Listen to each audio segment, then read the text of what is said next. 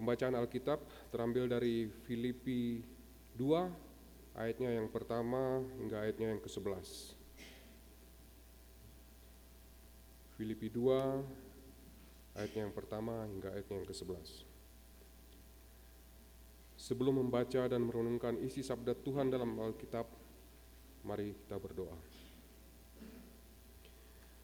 Ya Yesus, firman yang hidup, berilah kami hikmatmu, serta penuhilah kami dengan kuasa rohmu, agar kami mengerti dan dapat melakukan firman-Mu dalam kehidupan kami. Amin.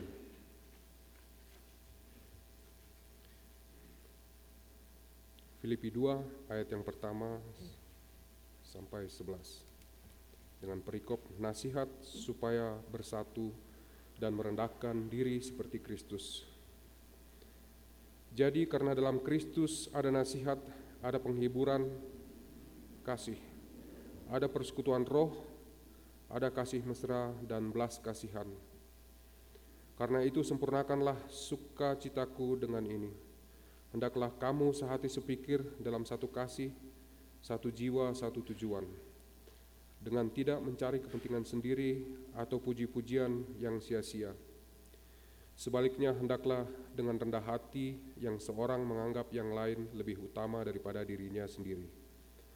Dan janganlah tiap-tiap orang hanya memperhatikan kepentingannya sendiri, tetapi kepentingan orang lain juga.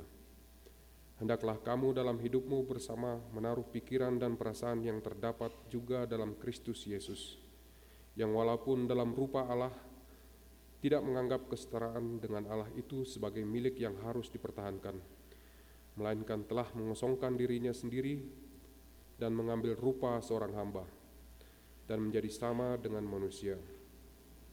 Dan dalam keadaan sebagai manusia, ia telah merendahkan dirinya dan taat sampai mati bahkan sampai mati di kayu salib. Itulah sebabnya Allah sangat meninggikan dia dan mengaruniakan kepadanya nama di atas segala nama, supaya dalam nama Yesus bertukuk lutut segala yang ada di langit dan yang ada di atas bumi dan yang ada di bawah bumi. Dan segala lidah mengaku Yesus Kristus adalah Tuhan bagi kemuliaan Allah Bapa. Demikianlah firman Tuhan.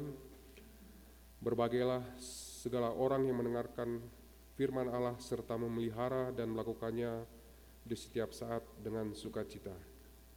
Hosiana. Coba Tuhan yang dikasihi dan diberkati. Tuhan, Shalom. Kita patut bersyukur kepada Tuhan karena atas kasih dan pertolongan Tuhan. Kita bisa berjumpa kembali dalam persekutuan ibadah. Minggu ketiga bulan Maret minggu sengsara yang kelima.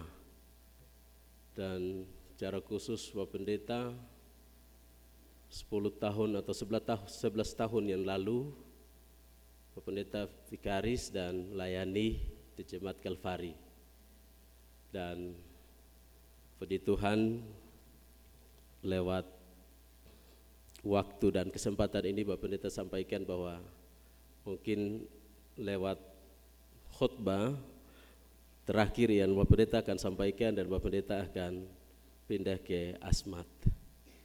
Itu merupakan pesan yang akan disampaikan untuk Bapak Ibu Jemaat Kalvari. Kita secara bersama.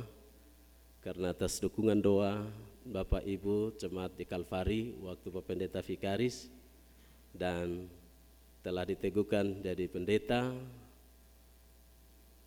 Lalu Bapak Pendeta kembali lagi untuk melayani sudah jadi pendeta 10 atau 11 tahun yang lalu Bapak Pendeta dipercayakan oleh Sinode untuk menjadi sekretaris klasis di klasis Asmat. Bapak Ibu jemaat yang dikasihi dan diberkati Tuhan dalam pembacaan firman Tuhan kita Filipi pasal 2 ayat 1 sampai dengan ayat yang ke-11 diberikan tema bersatu dan merendahkan diri seperti Yesus. Bersatu dan merendahkan diri seperti Yesus. Bapak Ibu jemaat Tuhan yang dikasihi dan diberkati Tuhan, dalam surat-surat Rasul Paulus secara garis besar dia memberikan beberapa nasihat-nasihat yang hendak disampaikan untuk jemaat-jemaat yang telah ia menulis surat untuk disampaikan kepada mereka karena Rasul Paulus telah hadir sebelum ia ada dalam penjara. Dan dia melihat bahwa kondisi dan kehidupan jemaat yang ia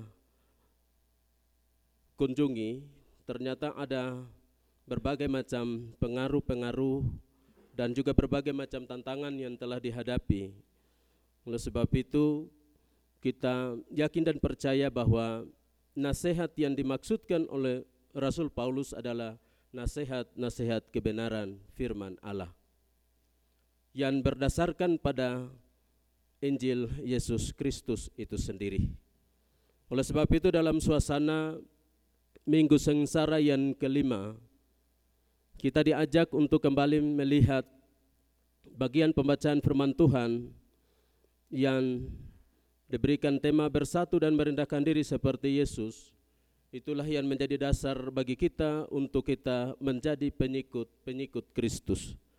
Sebab Rasul Paulus menyadari bahwa dalam hidup dan kehidupannya dia memiliki latar belakang yang begitu menyerikan.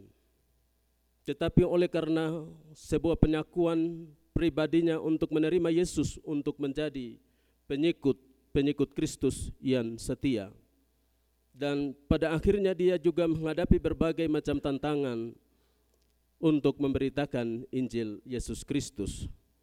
Dan dia mempunyai maksud dan tujuan untuk harus menyampaikan nasihat-nasihat kepada para orang-orang kudus yang ada di jemaat Filipi dan juga para penilik jemaat dan juga para diaken supaya mereka akan melakukan tugas dan pekerjaan dan pelayanan yang telah dipercayakan di jemaat Filipi, mereka tetap bersehati untuk dapat melakukan tugas dan tanggung jawab yang telah dipercayakan.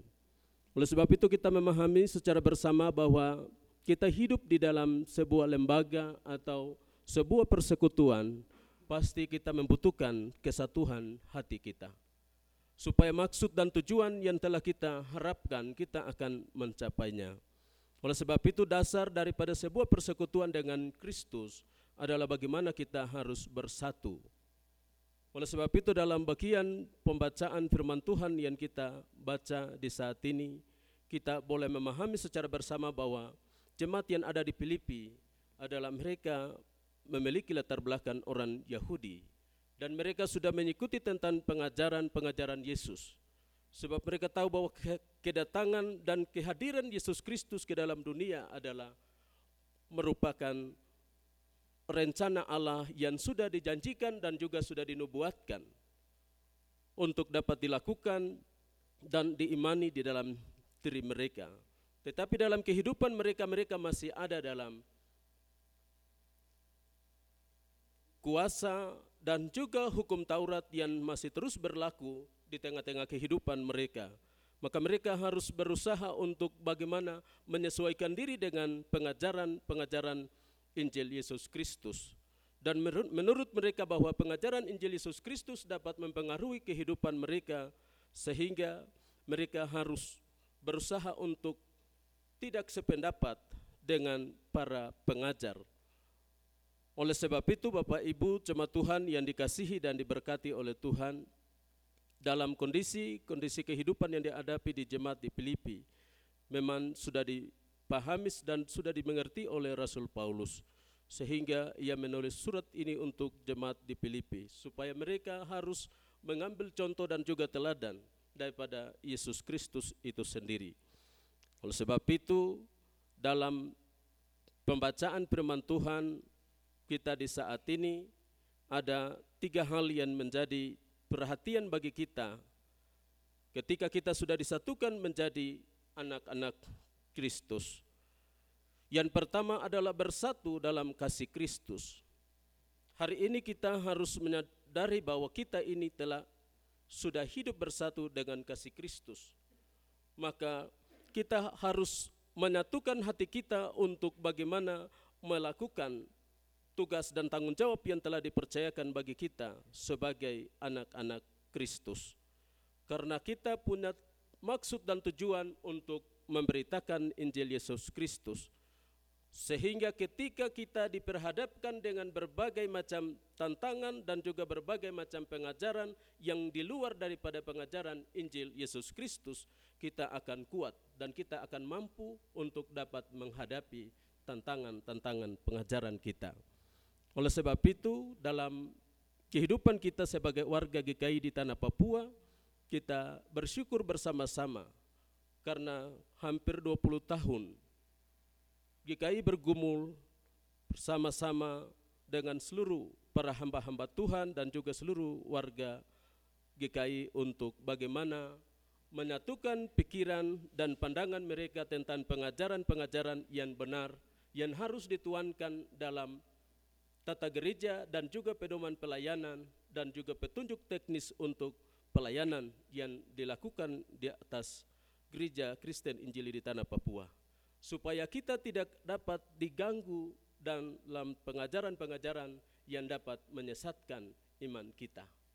Sebab tantangan-tantangan kehidupan kita untuk kita bersatu, kita percaya dengan sungguh bahwa Rasul Paulus menghendaki supaya setiap orang, setiap umat manusia harus diselamatkan oleh Injil Yesus Kristus. Oleh sebab itu kalau kita tidak bersatu untuk menjaga pengajaran kita, iman kita, pasti kita tidak akan mencapai sebuah tujuan hidup kita. Sebab kita percaya bahwa Yesus Kristus datang untuk mati dan menebus dosa-dosa kita dan menyelamatkan kita dan mempersiapkan kehidupan yang kekal bagi kita. Maka kita harus tetap bersatu di dalam kasih Kristus.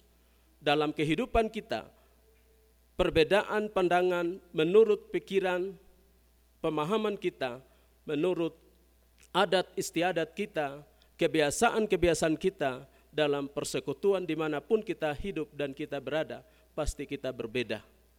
Tetapi itu merupakan kekayaan yang harus kita satukan untuk bahwa datang untuk memuliakan kebesaran Tuhan. Sebab Yesus Kristus adalah contoh dan teladan bagi kita. Dia datang dari sorga yang maha kudus tetapi dia datang ke dalam dunia, dia sama seperti manusia dengan tujuan supaya kita yang manusia biasa ini dia memanusiakan kita sebagai manusia yang sebenarnya. Oleh sebab itu, dahulu kita hidup di dalam kegelapan, tetapi terang yang sesungguhnya itu berpusat pada Kristus itu sendiri. Sehingga ketika kita datang dalam sebuah persekutuan, kita boleh saling mengenal satu dengan yang lain. Dia ini adalah anak Tuhan. Kita tidak bisa memandang dia sebagai dia sebagai orang yang hidup di luar dalam diri kita. Oleh sebab itu, dalam kehidupan kita, kita mengenal satu dengan yang lain, kita tahu bahwa dia adalah anak Tuhan. Maka di dalam hidup dan kehidupan kita, kita harus berusaha untuk menyatukan hati kita, untuk berjalan bersama-sama, bergandengan tangan bersama-sama, untuk menjalankan tugas dan pekerjaan dan pelayanan kita. Oleh sebab itu ketika kita hidup dalam persekutuan, kita tidak bisa membawa sesuatu yang menurut pikiran dan pemahaman manusia untuk hidup di dalam persekutuan. Tetapi kita harus menyadari bahwa kita ini adalah anak-anak Tuhan. Kita akan menyonsonkan diri kita bahwa saya ini di luar sana saya seperti ini, tetapi di dalam persekutuan dengan Tuhan kita semua sama di mata Tuhan.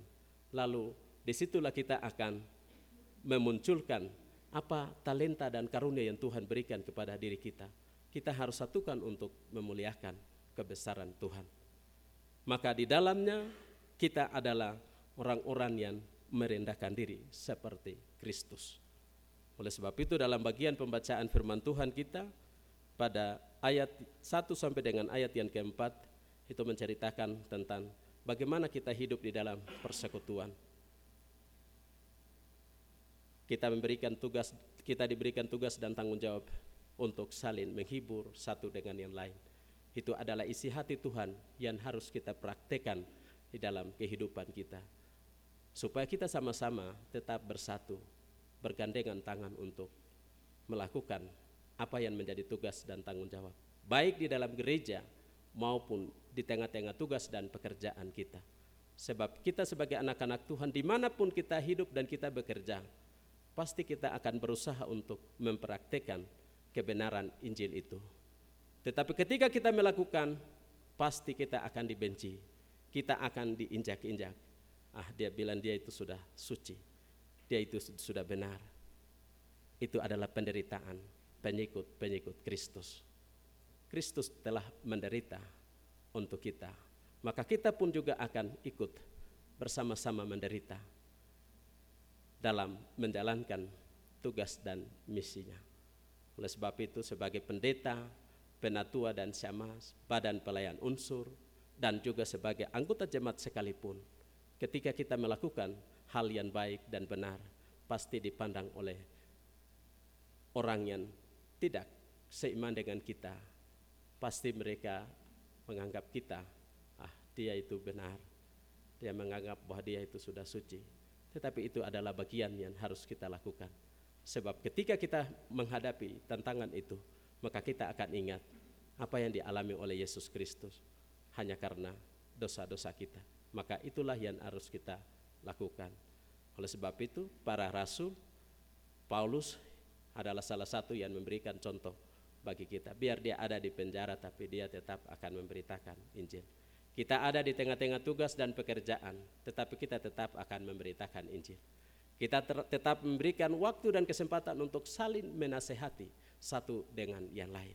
Sebab kehidupan kita di dunia ini, kita tidak akan luput dari berbagai macam tantangan dan juga pengajaran. Oleh sebab itu Bapak Ibu jemaat Tuhan yang dikasihi dan diberkati oleh Tuhan, ketika kita sudah merendahkan diri dan melakukan semuanya, maka kita akan menjadi teladan-teladan kasih Kristus. Pasti kita semua punya kerinduan untuk menjadi teladan-teladan kasih Kristus.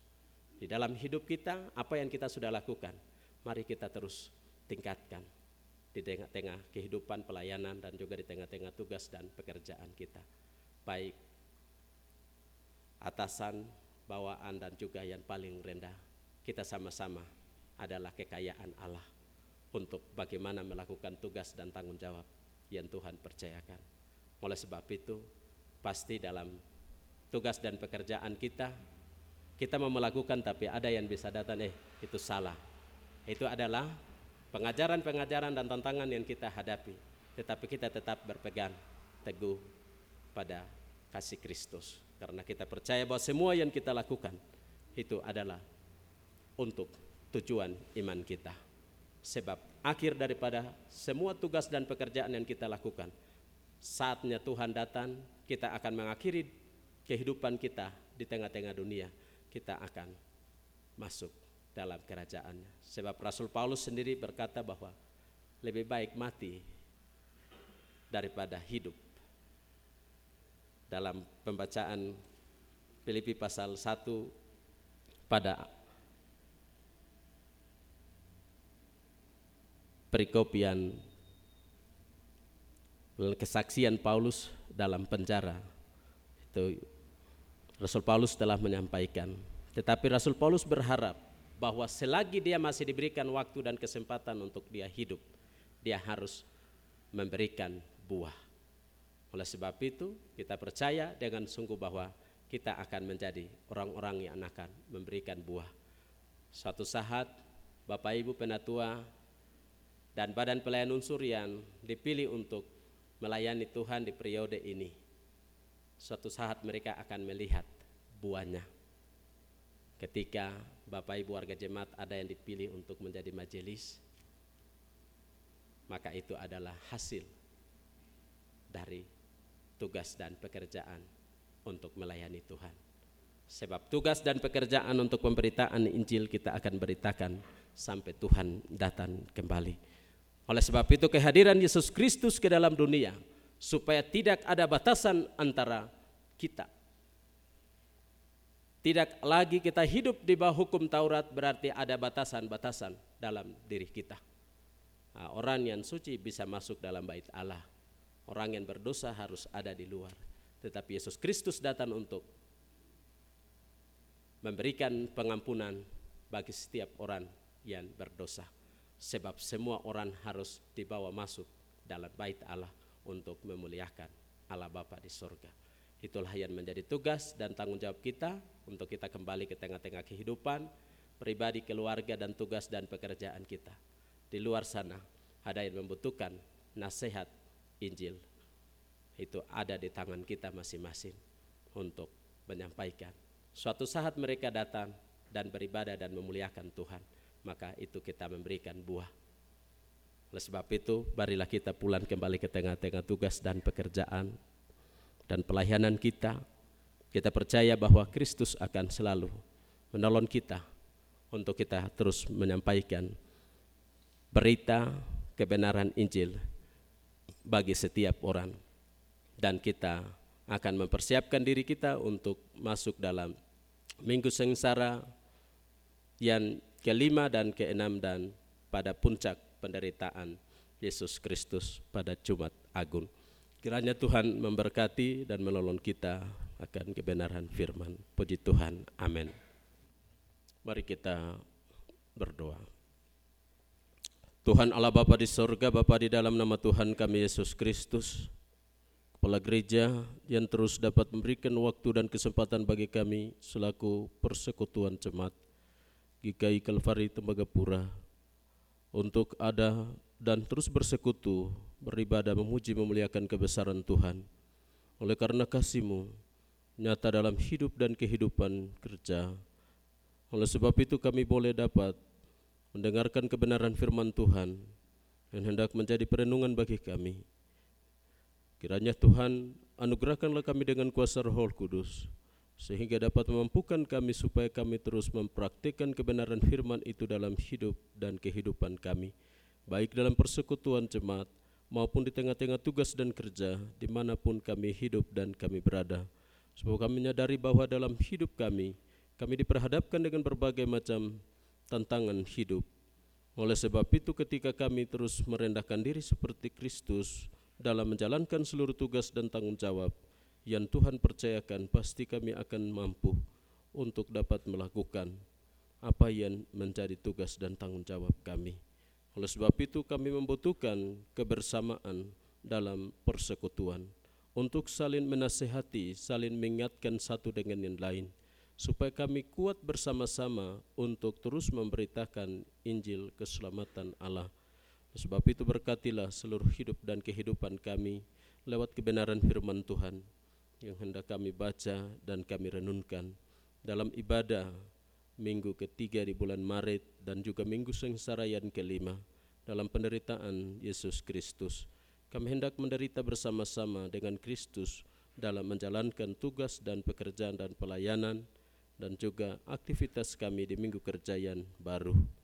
Tuhanlah Bapa di sorga, berdoa menyerahkan seluruh kehidupan persekutuan jemaat ke dalam tangan pengasihan Allah. Dalam tugas dan tanggung jawab yang telah Tuhan engkau percayakan dalam kehidupan pribadi dan juga keluarga dan juga dalam tugas dan pekerjaan yang Tuhan engkau percayakan di tengah-tengah kehidupan persekutuan jemaat.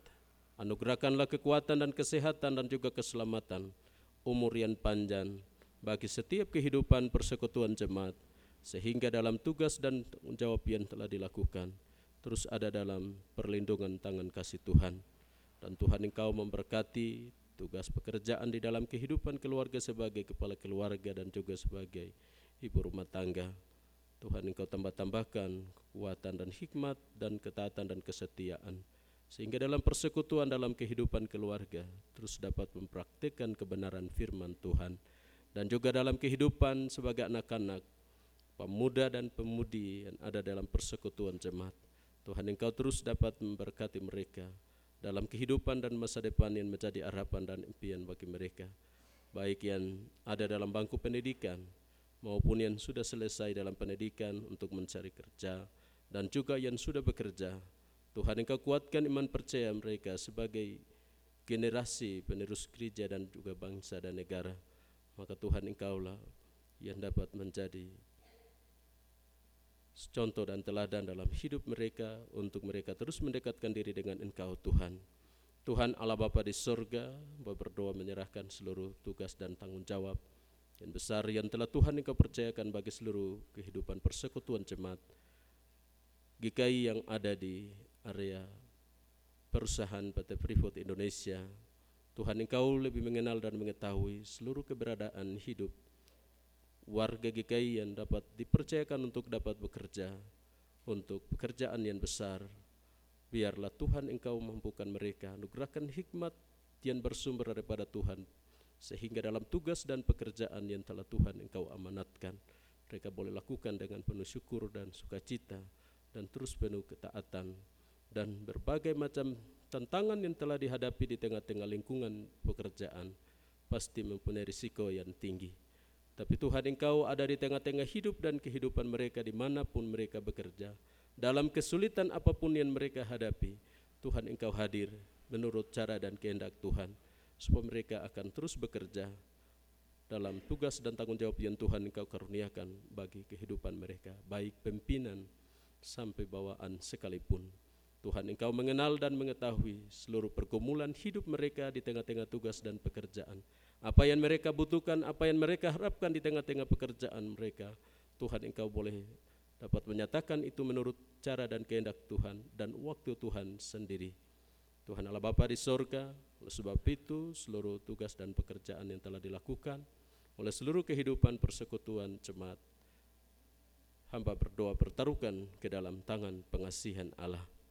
Hamba berdoa menyerahkan kehidupan persekutuan jemaat yang pada saat ini ada dalam pergumulan oleh karena sakit, baik yang ada di Tembagapura maupun yang ada di Timika dan juga yang ada di kampung atau di daerah masing-masing. Raja Tuhan Engkau hadir di tengah-tengah kehidupan mereka dan angkat sakit penyakit mereka. Dan Tuhan Engkau sembuhkan dan pulihkan hanya oleh karena darahmu. Mereka dapat dipulihkan nama Tuhan, terus dipuji dan dipermuliakan. Berkati seluruh pelayanan yang telah dilakukan oleh keluarga maupun para medis supaya dapat menolong untuk memberikan pemulihan. Sehingga ketika mereka boleh sembuh dari sakit dapat kembali melakukan tugas dan tanggung jawab yang telah Tuhan engkau percayakan. Tuhan Allah Bapa di sorga berdoa menyerahkan seluruh kehidupan para hamba-hambamu, pendeta, penatua dan syamas dan badan pelayan unsur dan juga panitia apa pun yang telah Tuhan engkau percayakan. Tim multimedia dan juga kostor tata usaha, pianis dan juga sound leader dan semua para hamba-hamba Tuhan, anak-anak Tuhan yang telah Tuhan engkau pilih untuk ada dalam pekerjaan dan pelayanan di tengah-tengah jemaat GKI Kalvari Tembagapura. Kiranya anugerahkanlah kekuatan dan kesehatan dan juga hikmat umur yang panjang Tuhan anugerahkan bagi kehidupan para hamba-hambamu terus dapat menjalankan tugas dan tanggung jawab yang Tuhan percayakan.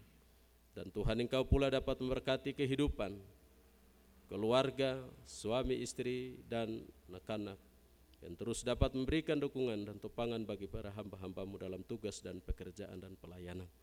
Dan Tuhan engkau pula memberkati seluruh kehidupan para hamba-hambamu dalam tugas dan pekerjaan yang dilakukan setiap waktu. Tuhan engkau terus memberkati, memberikan perlindungan yang nyata dalam kehidupan para hamba-hambamu supaya seluruh tugas dan pekerjaan dan pelayanan maupun pekerjaan yang Tuhan karuniakan bagi mereka di tengah-tengah pekerjaan masing-masing mereka terus ada untuk bekerja dan Tuhan Allah Bapa di sorga program pelayanan yang telah digumuli di tengah-tengah persekutuan jemaat oleh para hamba-hambamu kiranya Tuhan engkau memberkati sehingga pekerjaan dan pelayanan dan program yang telah direncanakan untuk dilakukan di tahun pelayanan 2023 mulai dapat berjalan seturut dengan kasih dan kehendak Tuhan. Secara khusus dalam pelayanan, ibadah-ibadah yang dilakukan di minggu kerja yang baru, dan juga persiapan untuk HUT jemaat yang ke-45 tahun yang hendak dilakukan pada tanggal 24. Karena Tuhan yang memberkati majelis jemaat bersama dengan pendeta dan juga panitia atau tim yang telah dipercayakan untuk mempersiapkan. Biarlah semua boleh dapat berjalan dengan baik. Dan juga para tamu yang hendak mempersiapkan diri untuk datang dan boleh merasakan syukur dan sukacita bersama-sama dalam bulan tahun jemaat. Tuhan engkau berkati dalam perjalanan mereka sehingga mereka boleh tiba dengan selamat boleh berjumpa bersama dengan seluruh kehidupan persekutuan jemaat di Kalvari.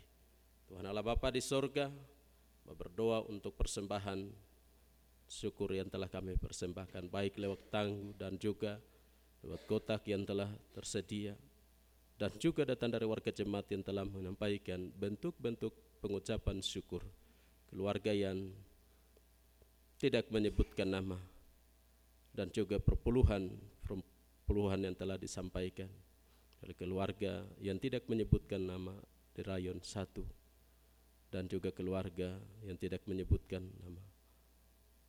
Kiranya Tuhan engkau lebih mengenal dan mengetahui seluruh bentuk persembahan dan juga perpuluhan yang telah diberikan oleh warga jemaat yang tidak menyebutkan nama maupun yang menyebutkan nama. Tuhan engkau lebih mengenal dan mengetahui ungkapan syukur mereka dan juga dalam kehidupan, pekerjaan dan juga usaha mereka. Biarlah Tuhan Engkau terus tambah-tambahkan sukacita dan berkat-Mu dalam hidup dan kehidupan, dalam kehidupan pribadi dan keluarga dan juga dalam pekerjaan mereka. Supaya mereka terus dapat menyatakan syukur kepada Tuhan atas perbuatan-perbuatan iman yang Tuhan Engkau nyatakan dalam kehidupan mereka. Mereka terus dapat merasakan. Dan Tuhan Engkau memberkati orang jemaat yang telah memberikan perpuluhan. Yang merupakan berkat yang Tuhan Engkau hadirkan di tengah-tengah kehidupan, pekerjaan dan juga usaha mereka. Mereka mengembalikan apa yang menjadi milik Tuhan untuk menopang pekerjaan dan pelayanan Tuhan. Biarlah Tuhan engkau terus memberkati seluruh hidup dan kehidupan dan pekerjaan mereka. Tuhan Allah Bapa di sorga, biarlah Tuhan engkau mengenal dan mengetahui setiap kehidupan kami sekalian yang boleh ada dalam ibadah ini. Yang telah menyatakan syukur secara diam-diam kepada Tuhan. Kiranya Tuhan engkau yang senantiasa terus berkati seluruh hidup dan kehidupan kami. Dan kami sekalian boleh datang menjadi persembahan yang hidup untuk terus memuji dan memuliakan kebesaran Tuhan. Oleh karena Tuhan itu adalah Allah yang baik. Allah yang setia untuk terus menjaga dan memelihara hidup kami di mana pun kami hidup dan kami berada. Tuhan Allah Bapa di surga seluruh kehidupan kami di hari ini dan minggu kerja yang baru kami pertaruhkan hanya ke dalam tangan pengasihan Allah. Kiranya Tuhan Engkau yang senantiasa memberkati. Kami pertaruhkan pelayanan yang akan berlangsung dalam pada jam 7 malam. Kiranya Tuhan memberkati seluruh persiapan yang telah dilakukan oleh para hamba-hambamu, majelis jemaat, dan juga seluruh warga jemaat yang hendak mempersiapkan diri untuk dapat mengambil bagian. Tuhan Allah Bapa di surga, inilah doa dan syukur dan syafaat kami. Ampuni semua salah dan dosa kami Tuhan. Dan Tuhan engkau dengarlah doa permohonan kami. Amin.